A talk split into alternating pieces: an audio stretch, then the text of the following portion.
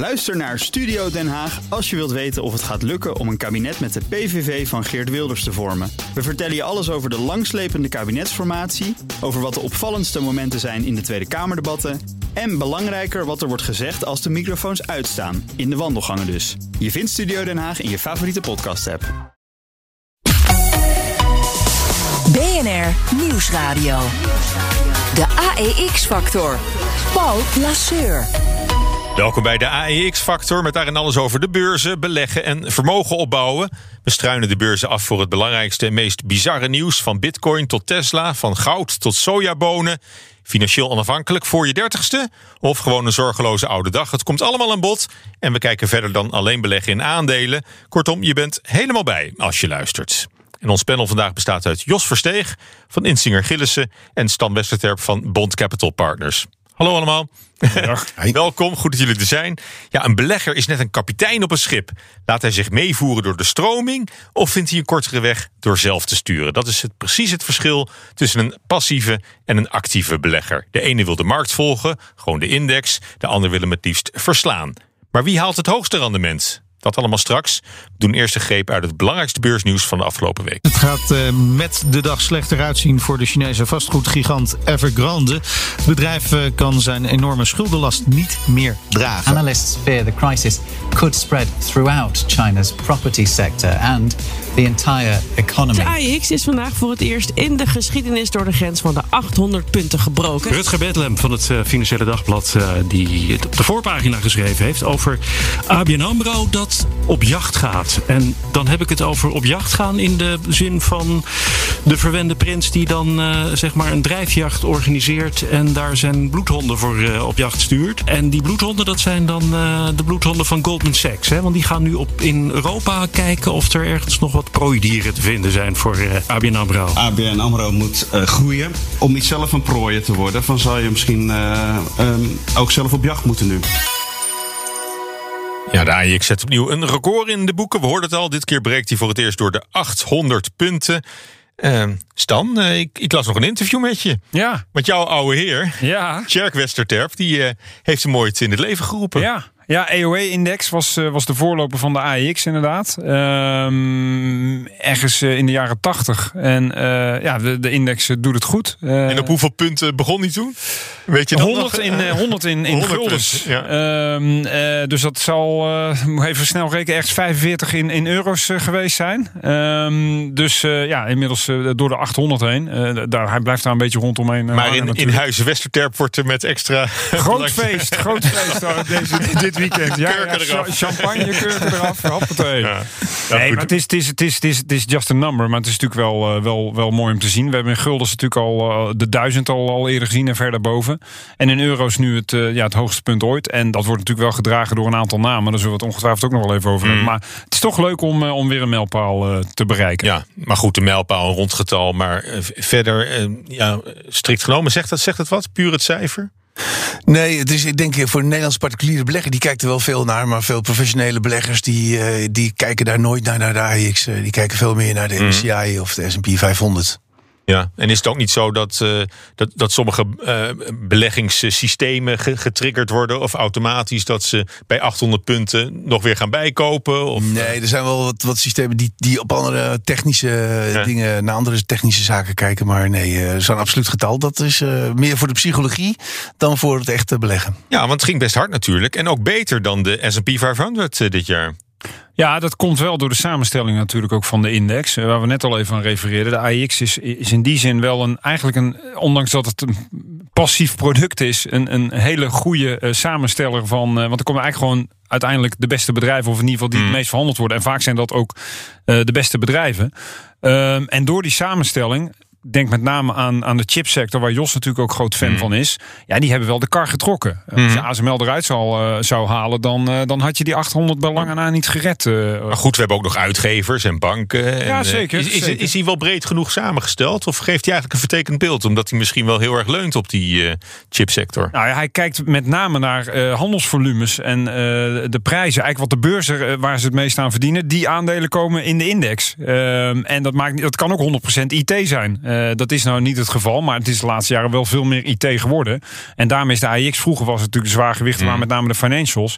Ja, daar is weinig meer van over. Eh, het wordt nu veel meer gedragen door, eh, door dat soort jongens. En die, ja, die trekken in de, in de vaart der volkeren ook deze index eh, volgens mij omhoog. Nou goed, hij heeft het niet de hele week volgehouden. Want eh, Nee, ik weet niet hoe het nu is, maar ja, vooral hij, is, hij is weer onder de 800 gedoken deze, deze vrijdag. Oké, ja. Hoogtevrees? Nee, absoluut niet. Nee? Nee, nee, nee, eh, kijk eens naar de ontwikkeling in de economie. Dan zie je wel dat er iets wat vertraging is door de Delta-variant. Zeker in, in Amerika en China zie je het ook wel wat. In Europa ook enigszins. Maar eh, ja, de economie groeit nog steeds eh, heel erg mooi. En wat ik eigenlijk ook heel belangrijk vind, zeker voor aandelenwaarderingen, Ja. is dat de rente nog relatief laag Ja, goed, maar blijft. jij hebt geen hoogtevrees. Maar denk je dat er, dat er beleggers zijn die die 800 punten, dat plafonnetje even aantikken en dan denken van oeps, Nou, we hebben wel klanten die uiteraard gaan vragen van... joh, eh, wordt het niet eens tijd? wordt het niet de tijd? Waar gaat het heen? Maar ik ben het in die zin... ja, ik ben toch bang dat het dan een optimistische uitzending gaat worden... met Jos eens. Ehm, dat inderdaad, de economie draait goed, de rentes zijn laag, eh, er zijn geen alternatieven. Zolang dat blijft, eh, blijft draaien ehm, en je kijkt naar wat er in andere sectoren gebeuren, bijvoorbeeld de Nederlandse vastgoedmarkt, of inderdaad de tweedehands auto's. Ik hoorde laatst dat champagne bijna uitverkocht is. Ja, er gebeuren nog wel wat dingen die wij, die wij zelf nog niet meegemaakt hebben. We hebben wel een financiële crisis meegemaakt, maar er is ook nog wel eens een risico van een melt-up in plaats van een meltdown. Meld-up. Ja, ja. En dat hebben we nog niet gezien. Ja. Dus dan zou die duizend punten bij wijze van spreken nog eens in Deze, eh, deze in vizier kunnen exuberance eh, die we, nu, eh, die we Ja. nu Nou ja, meemaken. precies. Dat is een heel mooi voorbeeld inderdaad eh, in 97. Goed, ander, eh, ander nieuws deze week. ABN AMRO wil op overnamepad, huurt eh, zakenbank Goldman Sachs in. De bank wil weer groeien door een Europese concurrent over te nemen. Dat zegt het eh, Financiële Dagblad. Nou, ik zag dat en ik dacht van, hè?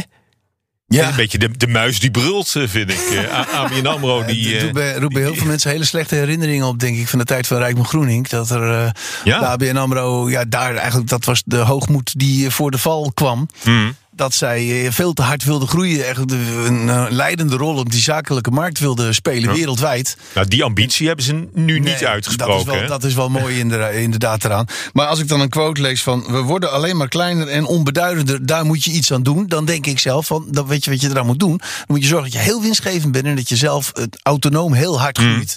Ah, dat is in die markt natuurlijk heel moeilijk. Maar ik, ik snap dat zaken als ego en trots in de weg zitten. Maar zou overgenomen worden niet een veel betere oplossing zijn voor ABN AMRO? Ja, En, voor de staat, het zou natuurlijk een prachtige exit zijn. Nou, dat ligt er een beetje aan op welke koers Op dat. Want prijs, ja. wij- de journalisten kunnen ook allemaal heel goed rekenen wat we ervoor betaald hebben. Ik zie de krantenkoppen alweer hoeveel miljarden verlies we hebben geleden met z'n allen. Zoveel jaar na dato. Maar goed, soms moet je je verlies nemen. Absoluut. Nou ja, maar dat hadden we dat al veel eerder kunnen doen. Ik bedoel, ze hadden volgens mij eh, een paar jaar geleden op 25 eruit gekund. Ja. Eh, de- het dubbele van nu. Eh, dat hebben ze ook niet gedaan. Dus ja, dat is politiek natuurlijk ligt dat ook heel gevoelig. Maar met name dat argument wat Jos ook al aan refereert, dat eten of gegeten worden. Ik hoorde het net ook weer al in de voorbeschouwing. Ja, dat is echt een kul argument. Dat is alsof we weer 15 jaar terug zijn, net voor de val inderdaad. Ehm, je moet gewoon een goed, solide bedrijf hebben. Ja. eh, wat goed draait. En natuurlijk, financiële sector, zeker banken, hebben het gewoon lastig. Ook met toenemende wet en regelgeving. Maar goed, traditionele banken zullen gewoon ook naar een nieuw verdienmodel moeten gaan, gaan kijken. hè. Helemaal met, met die lage rente natuurlijk. Particuliere spaarrekeningen, wat toch, toch een hele traditionele bankactiviteit is. Daar valt geen droogbrood in, in te verdienen. D- dus ze zullen wel geen eh, spaar- of, hyp- eh, of, eh, of hypotheekbank Ja, dat zoeken. hebben ze ook wel gezocht, gezegd. Daar, daar zoeken ze niet in. Als je kijkt naar die lage rente. Kijk, die hypotheken die om, om de zoveel jaar wordt, wordt die portefeuille vernieuwd. Weer tegen steeds lagere rentes. Dus die, ja, die, daar is een enorme druk op de winstgevendheid. Dus dat, ja, daar wil je absoluut niet in zitten. Ze zitten in. Ze hebben redelijk deel private banking. En dat doen ze redelijk goed. Dus 15% ongeveer van het operationeel resultaat. En ik denk dat ze daar het voornamelijk zoeken. Die zakelijke activiteiten, die is eigenlijk voor een heel groot gedeelte afgebouwd. Hè. Dat is dat, eh, meer eh, de olie- en gasfinanciering. Daar zijn ze behoorlijk uitgestapt. Dus het zal wel een, eh, in, in de private banking wat worden dat ze daar wat, wat, wat in zoeken. Dat is wel een interessante richting dan. Ja, dat denk ik wel. Ik zou niet zo gauw een voorbeeld weten waar ze, wat ze dan zouden kunnen kopen. Maar ik, ik, ik denk dat ze daar het meeste naar kijken. Ja. Oké. Ja, of inderdaad een fusie, wat jij zegt. Nordea werd bijvoorbeeld al wel eens, eh, al wel eens genoemd, eh, de Scandinaviërs. Ja, Eh, maar, maar da- daar was al vrij gedetailleerd, vond ik eh, destijds. Ja, Dat er zit toch een ABN. v- Ja, maar ze hadden het al over het hoofdkantoor, wat dan misschien in Amsterdam kon blijven van, van het gefuseerde geheel. Maar dat was een, dan meer een soort troostprijs. ja. Omdat de, de zeggenschap eigenlijk naar, eh, naar de Scandinaviërs Ja, precies. Maar, dus er zijn wel mogelijkheden. Maar ook volgens mij refereerde je een beetje aan... misschien moeten ze de hoek van fintech op. En Ja. dat kan ik me iets bij voorstellen als je inderdaad weer harder wil groeien. Maar als jij kijkt naar wat de waarderingen voor fintech bedrijven zijn... Kijk even naar een Adyen. Ja. Dat kan ABN AMRO niet betalen. Nee, nee. Eh, als voorbeeld. Maar ook alles wat eronder zit kunnen ze niet betalen. Zeker niet met hun eh, waardering, zeg maar. Dus dat wordt gewoon erg lastig. En je hebt toch met een bank, met zijn legacy te maken. Ik zie het niet gebeuren dat zo'n traditioneel bankbedrijf... de hele fintech-wereld eh, gaat veroveren. Dus dan zou je toch meer moeten zoeken in wat, wat Jos ook zegt... traditionele Ja. bankdienstverlening. Nou ja, goed. Goldman Sachs werkt op eh, commissiebasis, eh, gelukkig. dus Ja, ja. hè, dat is een no cure, no pay. Dus alleen als ze een kandidaat vinden, hè, een, een huwelijkspartner of, of eigenlijk een, een overnameprooi voor ABN AMRO, dan, alleen dan worden ze betaald. Dat zegt ook wel iets over het, over het vertrouwen in het vinden van een geschikte prooi eh, misschien. Ja, precies. Kijk, je zou, ik vind het ook wel een beetje een zwaktebot hoor. Van Als je een goede CEO heeft, hebt die, die, goed ingevoerd is, een goed netwerk heeft, dan zou je dat zelf toch ook moeten kunnen, lijkt mij. Dus ik vind het allemaal, ja, ik vind dat een beetje, een beetje vreemd. En eh, ja, zo heel veel geld. Ik geloof dat ze, wat is het, 2, 3 miljard of zo hebben ze ervoor. Dus reken me niet dat dat nou echt een hele grote vis wordt die ze gaan, gaan vangen. Eh, taxichauffeurs dan, eh, die via Uber hun eh, diensten aanbieden in Nederland zijn geen zelfstandige ondernemers, maar werknemers, zo bepaalde eh, de rechter. En dat is de tweede overwinning van, eh, van de vakbond, hè, FNV. Een paar maanden geleden bepaalde de rechter in hoger beroep dat fietscouriers van Deliveroo ook geen ZZP'ers, maar werknemers zijn. Eigenlijk leggen, eh, leggen de rechters hiermee een bom onder het verdienmodel van, van de platformeconomie. Nou, niet van de platformeconomie. Ik Maar denk wel van deze twee- Van, van twee dit soort bedrijven wel. Maar als je kijkt naar bijvoorbeeld Just Eat Takeaway, die doen dat heel keurig. Die hebben hele keurige regels. Ik weet niet of, ze nou, of die bezorgers in vaste dienst zitten. Mijn zoon eh, bezorgt ook, eh, heeft, heeft bij ze bezorgd. Die was niet in vaste dienst, geloof ik. Maar ze kregen wel keurig betaald. En kregen keurige jassen, helmen. Dat werd, dat werd allemaal goed, eh, goed gedaan. Maar inderdaad, in dat, in dat bezorgen, puur en alleen bezorgen. Als je met, met Jitse Groen praat. En dan vertelde, zegt hij altijd van ja, daar zit geen, ge- geen marge in. Dat is een beetje service wat je erbij verleent. Dat is in West-Europa en in Amerika is dat geen verdienmodel. Ik denk in China wel. Daar vind je jongens die voor, voor 2,50 eh, een heel eind willen fietsen. En in Brazilië. Zoals Prozus heeft daar wel activiteiten wat winstgevend kan zijn als je daarin zit. Maar in, in Nederland eh, vooral of in West-Europa zoals Just Eat Takeaway. Dat, doet, die doen de, dat, dat eh, scooter geloof ik heet dat. Dat Scoober. Dat doen ze eh, als dienstverlening in de grote steden waar de dichtheid groot is. En verder moet iedereen maar zelf zijn bezorging regelen. Want dat is echt hele marginaal eh, business. Maar goed, voor, het, het, is, het, is, het, kan de doodsteek zijn voor, voor een bedrijf als Uber, lijkt me. Want dat is het enige, Ja, ja, zeker. Het enige wat ze onderscheiden natuurlijk Maar van, van de taxicentrale. Ja, absoluut. Ehm, maar in die zin verbaast het mij ook weer niet zo heel erg dat je in een land als Nederland inderdaad eh, dat er snel wordt geroepen. Nee, het zijn gewoon, gewoon werknemers en je moet ze gewoon conform de CAO zeg maar eh, belonen. Aan de andere kant, ja, hoe innovatief of vooruitstrevend ben je als land dan als je zo'n platform de nek omdraait? Ik, ik, kijk, ik als gebruiker van Uber ben heel tevreden. Tuurlijk wil ik dat iedereen krijgt waar die, waar die recht op heeft. En volgens mij heel veel van de mensen, de, de, de, de chauffeurs voor Uber, zijn ook niet ontevreden over hoe het model eh, draait. Er is natuurlijk altijd een fractie die, eh, die zegt van ja, wij, eh, wij worden oneerlijk eh, behandeld. Ja, ik vind dat een hele lastige discussie. Nou, ik begrijp het vanuit juridisch standpunt wel dat je zegt, joh, er moet een bepaalde bescherming zijn. Van de andere kant denk ik, ja, het vraag en aanbod en de markt eh, komt samen. Eh, en als iedereen daar of het gros daar tevreden over is, waarom zou je het de nek om willen draaien? Ja. Ja, Ja, en nee, Uber is natuurlijk ook eh, met de doelstelling uiteindelijk om met zelfrijdende auto's te gaan werken op langere termijn. En dan wordt het helemaal interessant. Als Ja, dat, die kan je niet op de langlijst zetten, die auto's. En je, hoeft- je hoeft ook geen pensioen op te bouwen. Nee, precies. Dat, eh, dat, dat scheelt er weer. Nou ja, goed, ook het Europees Parlement natuurlijk. Hè, die, eh, eh, die, die zit ook op dat spoor. Dat, het, eh, dat, eh, dat, eh, dat chauffeurs werknemers eh, moeten zijn. Eh, ja, die snelle opmars eh, is, komt daarmee wel tot, tot stilstand van die platformbedrijven? Nou, het ligt er een beetje aan eh, wat voor. Kijk, een Airbnb of een Booking.com. Ja, die hebben in die zin natuurlijk. De assets zijn niet de chauffeurs, zeg maar. Dat zijn de, de hotels en de, en de woningen. Eh, dus het ligt er een beetje aan welk platform eh, dat je naar kijkt. En inderdaad, eh, waar Jos aan refereert, ook Jitse Groen, die heeft wat dat betreft wel een visie gehad. Dat hij al zag van dit gaat natuurlijk eh, dit gaat niet goed. Laten we alvast maar ons personeel gewoon op de loonlijst zetten. Wat hij overigens volgens mij ook volledig ja, het duurzaam businessmodel vindt. Dus al bijvoorbeeld over nagedacht heeft. Dus het is helemaal niet uitgesloten dat een platformmodel ook op die manier kan draaien. Alleen ja, de verdiensten zullen, zullen anders tot stand moeten gaan komen. En de verdeling daarvan. Ja. Maar juist die platformmodellen, denk ik, zijn over het algemeen vaak hele interessante beleggingen. Ja. Dus ik, ik, ik, ik denk niet dat daar snel, eh, dat je nu zegt van, eh, er komt een einde aan. Nee, het is niet de doodsteek voor de platformeconomie. Zeg, China dan, hè, de grootste projectontwikkelaar, die staat op uh, omvallen. Beleggers zien hun winst te verdampen. Chinezen die op de oplevering van een appartement wachten, vrezen dat ze hun geld uh, kwijt zijn. Evergrande, uh, een vastgoedreus, maar zit ook in voetbalclubs, mineraalwater, elektrische auto's, gezondheidszorg, pretparken. Kassen, las ik in Nederland. Wat, uh, broeikassen? Ja. Gewoon voor het kweken van komkommers. En, uh, Blijkbaar, dat, ik, ik, las het ergens weer. Maar goed, waar, waar, is, waar is het misgegaan? Hebben jullie het gevolgd? Ja, een beetje.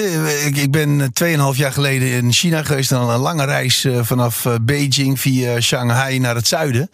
Uh, vanaf Beijing met de trein naar uh, Shanghai. En dan kom je uh, soms langs wijken naar echt onafzienbare rijen met 30, 40 etages flats die allemaal leeg staan. Ja. Dus, en toen we zijn zelfs nog, toen nog bij een vastgoedbedrijf geweest. Ja, ja, die spooksteden zijn er echt. We zijn toen bij Jones Lang LaSalle geweest. Die geloofden er allemaal nog heilig in toen de tijd. Maar ja, je kon toch wel op je tenen aanvoelen dat daar toch ergens iets niet goed zit. Uh, denk ik. Dus ja, maar dan heeft het nog lang geduurd voordat het. Ja, uh, ja voordat... Dus je ziet nu wel inderdaad die huizenmarkt. In augustus uh, was de, de nieuwbouwwoning mm. geloof ik met 20% teruglopen. dus er begint wel wat te gebeuren. En Xi Jinping, ja, die is een tijdje, al een tijdje bezig om de teugels wat meer in handen mm. te houden. En die maakt zich daar wel een beetje zorgen over. Over die extreme vastgoedfinanciering. En die ja. heeft de teugels wat aangetrokken. Ja, en als je dan zo'n beetje te, een schuld hebt van 90 miljard. Plus nog uitstaande betalingen hebt staan van, van 210 miljard een beetje 300 miljard. Ik zeg miljard, ik vergis me niet met miljoenen. 300 ja, miljard. Echt verschrikkelijk, verschrikkelijke schuld. Nou ja, het, het, kan, het kan de hele Chinese economie meesleuren nou, in, in, in, in een groot probleem. Dat, dat, dat, wordt wel gezegd. Hè. Dit, ja. dit is de Chinese Lehman Brothers. Nee. Kijk, too big, too veel. alles komt, komt er weer. Uh, nou, dat verschil in Amerika was natuurlijk het grote probleem dat heel veel van die huizen gefinancierd waren met vreemd vermogen. En in China is dat niet zo. Dus hmm. vaak met eigen vermogen gefinancierd. Dus wat dat betreft zie ik niet zo'n heel groot grote nee, verband. Geen, geen olievlekwerking die. Uh... Nee, kijk, in die zin heeft de politiek in China inderdaad, wat Jos zegt, dit probleem zelf veroorzaakt door die schuldratio's naar beneden te willen krijgen. En daardoor kwam Evergrande in, in de problemen. En van de andere kant ben ik ook blij dat het in China gebeurt, uh, omdat daar natuurlijk toch de, de economie uh, wat meer centraal wordt aangestuurd. Dus als zij zien van oeh, dit is potentieel een, een veenbrandje. Zijn er wel wat knoppen waar Laten ze aan kunnen draaien. BNR Nieuwsradio, de AEX-factor. Aangeschoven is Wesley Weerts om vooruit te blikken naar volgende week.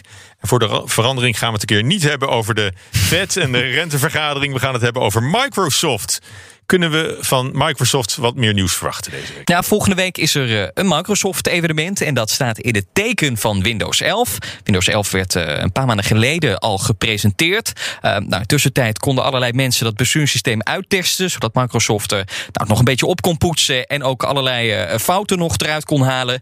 En nu zijn ze bijna klaar voor een brede uitrol. Want volgende maand moet Windows 11 dan breed officieel uitgerold worden.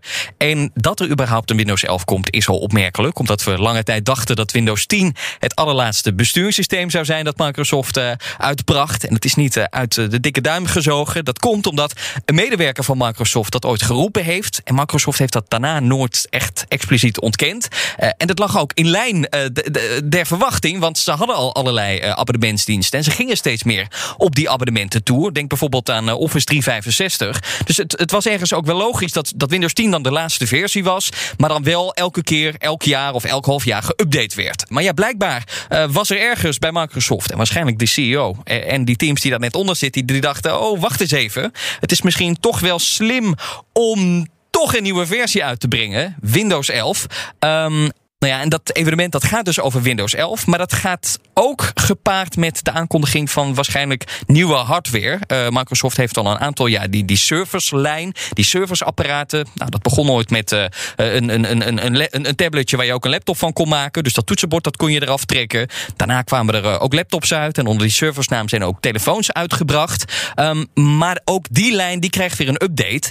En nou, die serversapparaten die zijn een beetje bedoeld om de HP's en de deels van deze wereld achter de vodden aan te zitten. Uh, van hey, kijk eens hoe tof, uh, hoe toffe producten je eigenlijk met Windows kan maken. Wij kunnen ook een beetje op die, uh, die, die, die, die Apple wow, factor creëren. Daarmee heeft Microsoft die lijn geïntroduceerd. Dus het ligt ook heel erg voor de hand dat die nieuwe serviceapparaten ja, een beetje het, het uithangbord zijn voor Windows 11. Nou ja, en, en, de buzz die ze nu creëren, lijkt wel een beetje op wat Apple altijd doet hè, met die enorme presentaties. Ja, ze maken er, ze maken er een hype omheen. Inderdaad, ze hebben recent ook allerlei commercials geplaatst gepresenteerd. Waarin ze dat besturingssysteem inderdaad ook eh, de hemel inprijzen.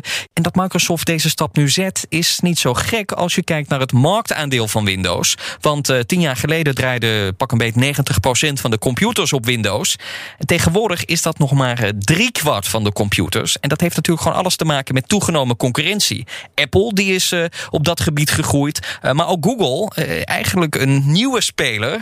ja, die heeft ook gewoon flink aan de weg getimmerd. Marktaandeel afgesnoept van Microsoft. Want ja, als je kijkt naar, naar onderwijsinstellingen. Ja, dat draait tegenwoordig toch wel een heel groot deel. Zeker in Amerika. Op, op die Chromebookjes van, van Google. ja, en daar heeft Microsoft onder te lijden. Het is dus niet zo gek om dat, dat merk Windows nieuw leven in te blazen. Zeker ook omdat je zag lange tijd die, die computerverkopen dalen. Maar ja, toen was er opeens corona. En toen trokken die verkopen weer aan. Uh, en daardoor werden er weer meer laptops uh, verkocht. En dat kan ook een reden zijn dat Microsoft nu denkt: hé, hey, wij moeten eigenlijk met een nieuwe versie komen. Um, zeker ook omdat Windows 11 zich voornamelijk richt op die thuiswerker. Hè? De, de belangrijkste reden waarom die verkopen opeens weer stegen. Want uh, ja, Teams bijvoorbeeld, dat, dat zit tegenwoordig prominent, pontificaal in je taakbalk verwerkt. Um, dus in dat opzicht richt Microsoft zich ook wel echt op die thuiswerker. En daarnaast Tuurlijk, zoals we zo zou ik bijna zeggen, van elke nieuwe Windows-versie gewend zijn, is er ook wel weer wat gebeurd aan het uiterlijk. Het ziet er allemaal net wat frisser uit. Het heeft nieuwe icoontjes, nieuwe kleuren. Um, uh, op een later moment kun je er zelfs Android-apps opdraaien op Windows 11. Dat is waarschijnlijk ook weer om die, die, die tabletverkoop een beetje een boost te geven, omdat dat app-aanbod altijd nog achterblijft. Dus ook in dat opzicht kun je wel nieuwigheden verwachten. Maar het is niet zo anders zoals we bijvoorbeeld bij Windows 8 zagen. Hè? Dat je je computer opstartte en dacht: hé, hey, waar is mijn Windows gebleven? Want dat, dat heeft voor veel kritiek gezorgd. Microsoft wist toen niet hoe snel ze de opvolger uit moesten, moesten brengen. Ja, en dat willen ze voorkomen. BNR Nieuwsradio. De AEX-factor. Ja, een belegger is net een kapitein op het schip. Laat hij zich meevoeren door de stroming? Of vindt hij een kortere weg door zelf te sturen? Dat is precies het verschil tussen een actieve en een passieve belegger. De een wil de markt volgen, de ander wil de markt verslaan. Maar wie behaalt uiteindelijk het hoogste rendement? Nou, Jos en Stan, jullie zijn allebei actieve beleggers. Daarom zijn jullie hier ook, want ja. kunnen jullie daarover praten. Dus jullie denken de markt te kunnen verslaan. Lukt dat altijd? Nee, niet altijd. Maar dat is ook maar net afhankelijk van hoe dat je, uh, hoe dat je meet en, en met welke, welke, wat je als de markt ziet, zeg maar. Dat is een beetje een cryptische omschrijving. Ja. Um, maar kijk, kosteloos beleggen bestaat sowieso niet. Als dat de markt is, laten we even in, de AX noemen waar je het net over had. Ja, dat, dat, daar kan je niet kosteloos zeg maar in beleggen. Dus je hebt ook altijd een, een, een slag om de arm. En daarnaast... Uh, ook welk risico wil je zeg maar nemen? Hmm. Is dat 100% in zo'n AEX versus 100% aan? Dus, dus ik snap, ik begrijp de vraag uh, en het antwoord is heel lang. Uh, nee, het lukt niet altijd, maar het is wel afhankelijk van ja, welke maatstaven dat je gebruikt. Ja. En, en, en, waarom blijf je, blijf je dat wel proberen om, om, om de markt te verslaan? Eigenlijk ook aan jou ja, die vraag. Het is ook, ook een beetje de zaken in eigen hand nemen. Hè? Kijk, veel uh, mensen die bij ons beleggen zijn bijvoorbeeld ondernemer geweest. En die hebben altijd zelf de zaak in handen gehad. En die vinden het leuk om toch een bed te zetten op een bepaald idee. Veel mensen hebben bijvoorbeeld een idee over technologie. En zeggen, nou, ik wil wel best veel in technologie beleggen. En dan moet je zeggen, dat, dat, dat levert geen windeieren op. Dat doet het heel erg goed. En als je dus passief belegt, ja, dan beleg je gewoon in een index. En dan zit je veel minder gewogen bijvoorbeeld in die technologie uh, sector. Maar ja, het kan zijn precies wat Stan zegt. Van het ligt heel erg aan, aan, aan hoe, je, hoe je zelf in elkaar zit. Als jij zegt van ik wil geen risico lopen. Nou, dan koop je gewoon een index. Ja, loop je daar geen risico? Tuurlijk loop je daar risico. Maar je, het is wat saaier. Het is van zichzelf al helemaal gespreid. En, ja, het is van zichzelf ja. al gespreid. En, niet al jij eieren in één mandje leggen. Ja, maar het, het kan voor, voor iemand die, die er niet te veel wil, mee wil bemoeien. En die toch, wil zeggen, die toch zegt van ja, ik, ik wil belegd zijn. Ik wil niet te moeilijk doen, verder helemaal niks. Dan kan het heel interessant zijn om bijvoorbeeld een ETF te kopen. Zo'n zo afgeleide van een index. Dan heb je heel weinig kosten. Ja. BNR Nieuwsradio. De AEX-factor. Paul Lasseur. En voordat we verder gaan, eerst nog dit bericht van onze sponsor. Want de AEX-factor wordt mede mogelijk gemaakt door vermogensbeheerder Fidelity International. Fidelity is een wereldspeler op de financiële markten en al meer dan 50 jaar actief op mondiaal niveau. Ze kennen regio's zoals Azië als een broekzak en hebben daarom een unieke en onafhankelijke kijk op alle factoren die het rendement op Aziatische investeringen bepalen. De beleggingsstrategieën van Fidelity bieden op verschillende manieren toegang tot deze dynamische regio. En het stelt ons in staat om deze podcast journalistiek onafhankelijk te blijven maken. Daarvoor dank. Eh, bij mij nog altijd eh, Jos Versteeg van Insinger Gillissen en Stam Westerterp van Bond Capital Partners. Ja, we praten even verder over het eh, actief versus passief beleggen. En waar we het net over hadden, ik, ik zei tegen Jos, je kunt toch ook in een. In, eh, eh, als je bijvoorbeeld vooral in tech-aandelen wil beleggen, dan ga je niet naar een algemene index zoals de AIX, maar je zou wel kunnen kiezen voor een mandje van technologieaandelen en dat zeg maar passief volgen. Maar toen begon jij met je hoofd te schudden, van dat is eigenlijk niet wat Nee, ik versta onder passief Nee, beleggen. dat is een actieve keuze, omdat jij volledig in IT gaat en daarmee alle andere sectoren in de wereld uitsluit. Eh, met andere woorden, een, een actief eh, keuze. En je voert het dan wel passief uit. En wat mij betreft is passief beleggen dus echt. Je koopt een index over de wereld heen, S&P 500 Amerika of MSCI World om de hele wereld te volgen. En die koop je gewoon en die laat je gewoon ook een hele lange periode met rust. Ehm, maar dat betekent dus ook, wat ik ook al aangaf, eh, de metafoor die jullie aanhaalden met de stroming meegaan. Dat als je dreigt op de klippen te lopen, dat je dan ook gewoon moet blijven zitten. En dat je niet actief gaat in- en uitstappen, ook al is het een passief product. Passief beleggen is voor mij echt ergens instappen, passief blijven, niks doen. En over een x aantal jaar weer eens kijken hoe het ervoor staat. Ja, maar het idee is ook een beetje dat je daarmee eh, toch wat, wat, wat slimmer bent dan, eh, dan de kudde. Dat, dat, je, dat je beter bent dan de markt, dat je de index verslaat. Ja. Eh, ja, jullie zeiden ook dat dat lukt niet altijd. Toch, toch blijf je actief eh, beleggen.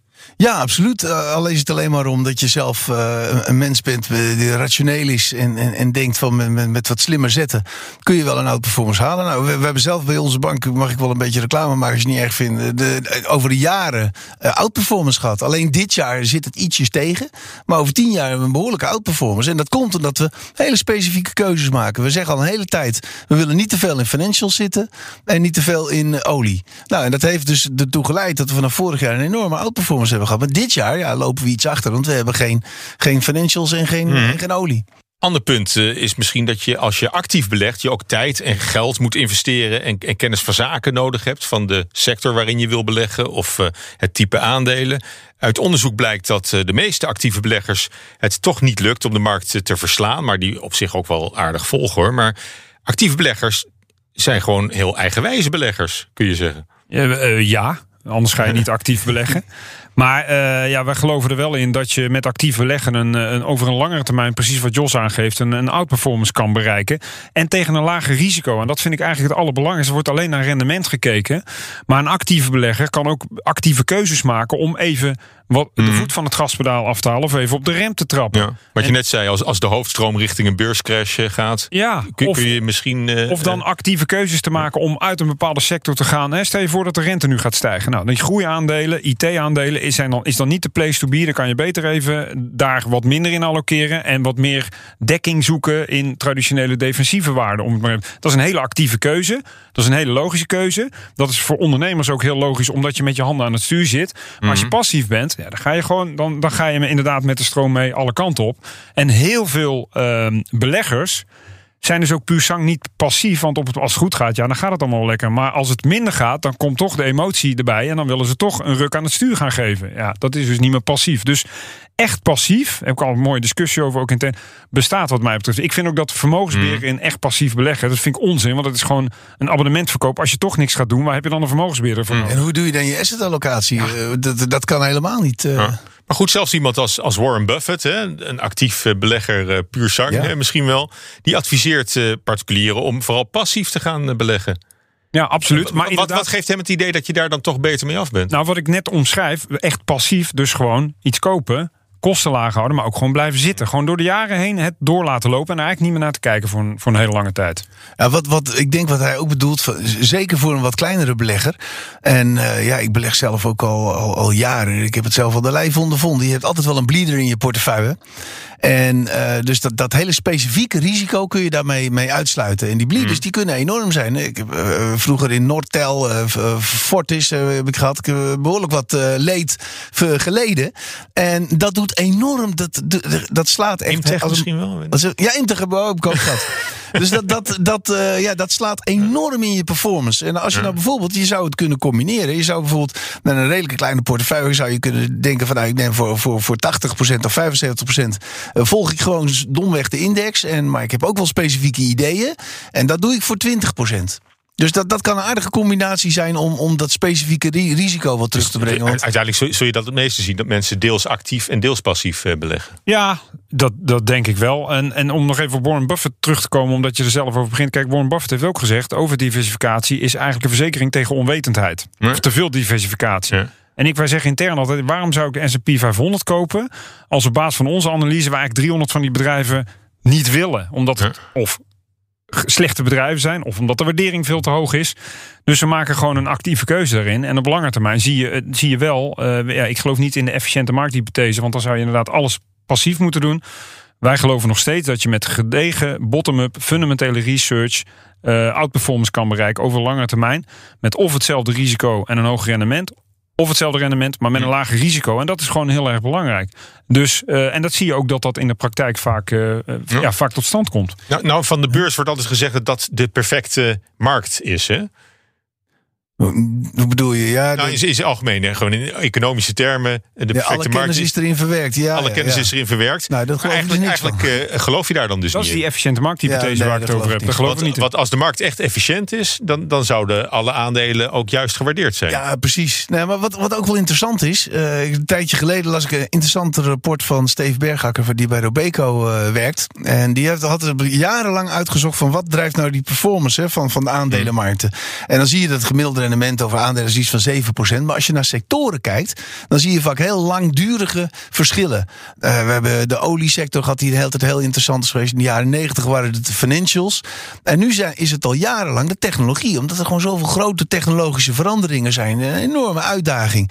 Dus ik denk als je daarop gokt, op die, die grote golf van, van, van bedrijven die het heel goed doen op, op hele maatschappelijke ontwikkelingen. Ja, elektrische dan- mobiliteit is, dan is kun, je daar, eh, dan kun je daarop inspelen. Die grote thema's, de energietransitie, eh, noem, noem maar op, dat soort zaken. Dat is één. Daar kun je je voordeel dat, mee dat is een reden om actief te beleggen. Dat is een reden om actief te beleggen. En het tweede is, kijk, je weet, eh, een- een belegger weet gewoon dat hij eens in de zoveel jaar, als er een recessie komt, en dan ben je, dan ben je de bineut, dan ga je 30, 40 procent onderuit. Dat, dat weet je, dan moet je tegen kunnen, want dat hoort bij beleggen. Maar dat gebeurt bijna altijd als er een recessie aankomt. Dus als je dat een, toch een je recessie kan je nooit voorspellen, maar je kunt wel redelijk, eh, redelijk aanzien komen. En daar kun je wat voorzichtiger worden. Dus je kunt, Mhm. je kunt daar wel wat mee spelen. En daar kun je ook echt absoluut goede rendementen mee halen. Nou goed, maar de Ben ik van AX is net eh, eh, door de 800 eh, geweest deze week. En, en dat was niet voor het eerst dat een record werd gebroken dit, dit afgelopen open jaar. Het gaat echt sky high. Ja. Het zorgt er ook voor dat passief beleggen in de mode is daardoor. Hè? De- Denk je dat de vraag naar actieve beleggingen weer toe gaat nemen wanneer er onrust aankomt en de koersschommelingen te, te verwachten zijn? Ja, nou dat is, een, dat is een moeilijke vraag. Maar het is inderdaad wel in de mode, omdat het eh, ja, relatief goedkoop is. Hè. Eh, we zien het Nou ja, ook, jullie, ja. jullie, jullie verslaan hem ook niet dit jaar. Eh, nee, nou, dat is nog, het jaar is nog niet afgelopen. Het jaar is de dag niet gelukkig voor de avond is gevallen, zeg ik altijd. Dus dat, ik denk dat het nog wel goed komt voor, voor dit jaar dan. Maar nee, dat, het, is een, het is een trend. En kijk, theoretisch gezien kan niet iedereen passief gaan beleggen. Want ja, dan wordt het weer heel interessant om, om actief te gaan beleggen. Dus Maar goed, als je, als je zo'n geleidelijke stijgende lijn ziet in, in de beurskoersen, dan, eh, eh, dan is dat een, een, ja, een lage prikkel om, om heel actief te gaan beleggen natuurlijk. Nee, want sommige fondsen doen het weer veel beter en de andere doen het weer veel slechter. Dat is precies wat Jos Hm. ook zegt. En, en dat is ook de reden waarom wij actief zullen blijven. Overigens, wij doen het dit jaar wel iets beter dan die benchmarks. Laten we dat dan even, Dat wil je ook wel even gezegd hebben. Mag ik dan dat ook even zeggen? Eh, maar ik, eh, de, de, de, de- dat is zeker eh, geen sinecure en daar kan je de klok niet op gelijk zetten. Alleen ik, nogmaals, ook als professioneel beheerder, kijk je ook naar het risico wat je ervoor neemt. En passief beleggen. ehm, eh, het andere risico dat ik zie, omdat het nu ook zo populair is, iedereen gaat erin. Maar op het moment dat iedereen eruit wil, door die, door die hele kleine uitgang, dat zie je ook gebeuren, komen er hele rare prijzen. We zagen het vorig jaar met corona even tot stand. Ook met name in die trekkers en die ETF's, waar Jos het net al over had. Omdat je dan at any price gewoon eruit wil. Worden al die mandjes in de markt gedumpt. Dan gaan ook die, eh, de goede aandelen en de slechte aandelen, alles ruksigloos eruit. Terwijl je dan als actieve belegger heel erg scherp moet zijn. Want dan komen de koopjes voorbij. En dat is het moment niet eens zozeer naar boven toe, maar met name naar onder toe, dat je echt het verschil gaat maken. Ja. Want, je, want jij zegt wel, eigenlijk ben je bezig met risicobeheer. Veel meer dan. Uh, Absoluut. Dan je bent altijd, op- aan, op altijd aan doormeten. Ook diversificatie natuurlijk is heel belangrijk. Asymptomatisch risico, waar Jos het ook al over had. Kan je wegdiversificeren door niet alles in dezelfde sector en dezelfde regio te beleggen. Maar je zoekt gewoon binnen een groep van bedrijven. Kijk, ja, welke Ja. vind ik de beste en het meest, het meest interessante gewaardeerd. Ik hoef niet die hele eh, Ja. sector te hebben. Nee, maar het is wel heel goed, is om, eh, goed om, is wel goed om dat te benadrukken. Want eh, eh, als je passief tegenover actief beleggen zet, dan klinkt passief als eh, risicomijdend en actief als, als Absoluut. risicovol. Nee, maar dat, nee, dat is nee, absoluut niet dat het is niet geval. zo. Nee. Absoluut niet, nee. Dat is niet per definitie. eh, nou ja, je ziet ook dat je, dat je dus met actief beleggen ook hele grote, grote uitschieters kunt, eh, ku- ku- kunt dempen. Ja. Ehm, dat is ook iets wat pensioenfondsen graag doen. Die zie je ook steeds, eh, toch zie, die, zie je die ook steeds meer hun geld passief beleggen. Hè, APG zette die stap om, ehm, om veel Ja. meer passief te gaan beleggen. Of is dat, is dat voor de bühne? Ja, dat vind ik heel lastig om daar iets over te zeggen. Ik heb dat niet bijgezeten. Ik denk dat het deels voor de bühne is, deels misschien politiek gedreven of, het, of, het, of, het, of de wind die er waait. Eh, pensioenfondsen zijn eh, in het verleden ook niet de allerbeste beleggers gebleken. Maar die hebben natuurlijk ook een verplichting daar tegenover naar de toekomst. Hebben heel veel geld naar allerlei hedgefunds gebracht. eh, die uiteindelijk onder, onder het gemiddelde waren. Maar wel veel kosten met zich meebrachten. Dus ik kan me wel voorstellen, je zegt nou weet je wat. Laten we het maar wat meer in de, in de, in de lage kostenhoek zoeken. Maar ik, eh, ja, dat Hoe moet ze het je- zelf noemen is passief beleggen met een actief randje. ja, maar dat is dus weer. Dat vind ik dus onzin. Laat ik het maar gewoon zeggen. Dat is bullshit. Ja. Want het is of passief en dan geen actieve keuzes. Of je bent actief aan het beleggen, maar je gebruikt passieve producten. Jos? Ja, Daar- moet ik ja, ben je het daarmee eens? Of Ja, daar is ben ik het helemaal mee eens. Ik, Ik vind het ook grote onzin wat APG doet. Ja, nou, dat, ja, dat Maar, dan ook. heb je meer over, over de communicatie van een pensioenfonds Ja, dan... dan eh, Ik weet niet hoe groot het is. En eh, kijk, het is natuurlijk een ja, redelijk goedkope manier van beleggen. Ik weet niet precies de finesses, de finesses ervan. Maar het, het is een hele goedkope manier van beleggen. En, en eh, waardoor je ook nog een behoorlijke spreiding kan krijgen. Dus ja, ik, ik ben er niet helemaal op tegen. Eh, het ligt ja, eraan met, met die hele grote miljardenvermogens van pensioenfondsen natuurlijk... is dat misschien ook wel... eh, Ja, nou, die pensioenfondsen hebben ook behoorlijke kosten. Dus ik snap het ook wel dat ze dat wat willen doen. Maar Ja. Maar goed, je, je kan niet allebei willen. Hè. Ze willen ook zaken als duurzaamheid en maatschappelijk verantwoord eh, beleggen op de, op de agenda hebben. Eh, ook, ook die pensioenfondsen. Eh, maar hoe kun, je, hoe kun je nou een beter milieu afdwingen als je tegelijk slaafd dus de, de ja, index je hebt ook duurzame indices hè, waar je eh, in kan zitten. Maar goed, dan, Dus dan, krijg dat je weer, dan kom je weer op de definitie Ja. van, van passief Nou ja, kijk, wel, als een pensioenfonds eh, gewoon- een index koopt, eh, de S&P 500, heb je ook een heleboel niet duurzame Hm. fondsen erin. Dus eh, ja, dat wil je ook niet. Ja. Maar goed, ehm, als je, als je het hebt, want we hebben het ook gehad over die grote trends. Hè. De, de, de energietransitie is zo'n Ja. trend. Maar goed, eh, ma- maatschappelijk verantwoord eh, ondernemen, duurzaamheid is, is, ook, ehm, is, is ook van groot belang. Zijn dat, eh, zijn dat trends die je alleen maar kunt volgen door actief te beleggen? Nee, nee, nee. Je hebt zeker ook thema-trackers inderdaad. Die een index volgen die inderdaad gebouwd is op allerlei duurzaamheidscriteria. Eh, maar wij proberen dan binnen zo'n eh, binnen zo'n sector of binnen zo'n thema juist weer ja, de beste ideeën daar, eh, daaruit. En dat is eigenlijk de, ja, de fundamentele analyse die je maakt en de actieve keuze die je maakt om ergens in te gaan. En soms zit je er wel eens naast, maar steeds meer als je goed je huiswerk doet, dan blijkt gewoon Ehm, dat, je, eh, ja, dat, je, dat je toch goed. En wat, wat ook belangrijk is aan actief beleggen, omdat je huiswerk hebt gedaan. Op het moment dat koersen beginnen te zakken, word je niet meteen zenuwachtig. Want je kent het onderliggende bedrijf en je weet wat ze kunnen. En je weet dat het ook weer goed gaat komen. Dus je gaat ook niet blind met de kudde mee in paniek raken. Op het moment dat je gewoon weet waar je in zit. Sterker nog, als je echt goed je huiswerk hebt gedaan. Je denkt, joh, nu wordt het interessant. Dan ga je alleen maar meer opbouwen van zo'n positie. Stan, dat is zo waar. Daar ben ik het echt zo mee eens. Als je goed je huiswerk doet. En, en, eh, we, we zijn nu net weer een internationale portefeuille aan Ik had vanmiddag weer een uitgebreide vergadering erover, internationaal. En dan, eh, ja, dan hebben, we komen we eigenlijk maar tot een relatief kleine portefeuille. Waarvan we een aantal aandelen hebben waar we echt eh, conviction op hebben. Waar we heel erg van overtuigd zijn, die we goed kennen. Nou, als je, en dat is dus echt goed je huiswerk doen. Die bedrijven van top tot teen kennen. En de, eigenlijk de hele dag denken van waar kan het misgaan, waar kan het misgaan. Ja, ik, ik ben ervan overtuigd dat je dan een heel mooi rendement haalt. Ja. En, en dat onderscheid hè, tussen actief en, en passief beleggen. Heb, hebben we daar wat aan? Om dat te, te, te blijven maken, gewoon in de, in, in, in de discussie over, over hoe je het beste rendement kan halen? Ja, want eh, kijk, het is natuurlijk wel een hele eh, goedkope manier van beleggen. Het, eh, het is, eh, je betaalt geen enkele, we hebben heel weinig kosten. En je kan heel En makkelijk... zorgeloos? Of Ja, ja, ja, in principe wel. Kijk, je hoeft dus. Als, als je actief belegt, dan moet, moet je er toch wel wat energie in steken. Of je moet het een ander laten doen, maar dat kost je geld. Ja, als je daar geen zin in hebt, dan, dan zeg je gewoon van nou, ik wil, ik wil me er helemaal niet zorgen over maken. Ik wil me ook niet zorgen maken of ik net iets meer of iets minder dan de Krijg. Ik koop gewoon die index. En dan, eh, want je, hebt dus heel veel klanten die zitten daar enorm in. Dan hebben ze 20% rendement, maar de AEX doet bijvoorbeeld 25%. Dan is ja, ja, toch, eh, toch wel onder, underperformance. Terwijl je kan ook gewoon blij zijn met die 20%. Maar ik bedoel, kijk, het, het, het haalt een hoop zorgen. Op, op een beetje, eh, hoe zeg ik dat, onjuiste manier haalt het zorgen bij je weg. Ja, en ik denk ook dat het een hele goede manier is als je vermogen aan het opbouwen bent. Dus als je inderdaad, van, ik noem maar iets kleinere bedragen, 100 euro per maand of zo kan missen. Dat is toch lastig om allerlei aandelen daarvoor te gaan kopen. Stort 100 euro per maand, koop iedere keer een trekker. Daar ben ik nog gespreid aan het aankopen. En zo kan je inderdaad met lage kosten over een x aantal jaar een heel mooi, heel mooi eh, ja, eindsom eh, opbrengen. Mhm.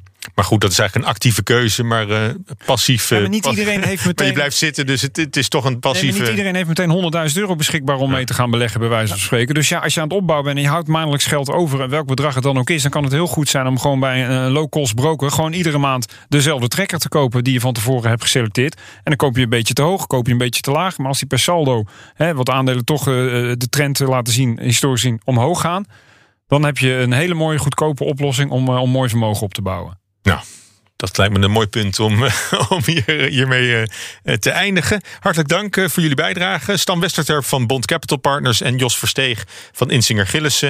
Ik hoop dat je volgende week vrijdag om 7 uur weer luistert naar de radio. Of tussendoor natuurlijk gewoon via de favoriete podcast-app. En heb je voor ons een gouden beleggingstip of een vraag voor het panel?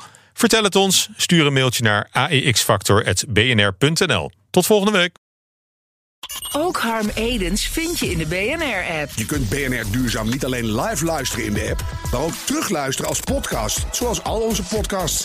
En naast dat de BNR-app Breaking News meldt, houden we je ook op de hoogte van het laatste zakelijke nieuws. Download nu de gratis BNR-app en blijf scherp.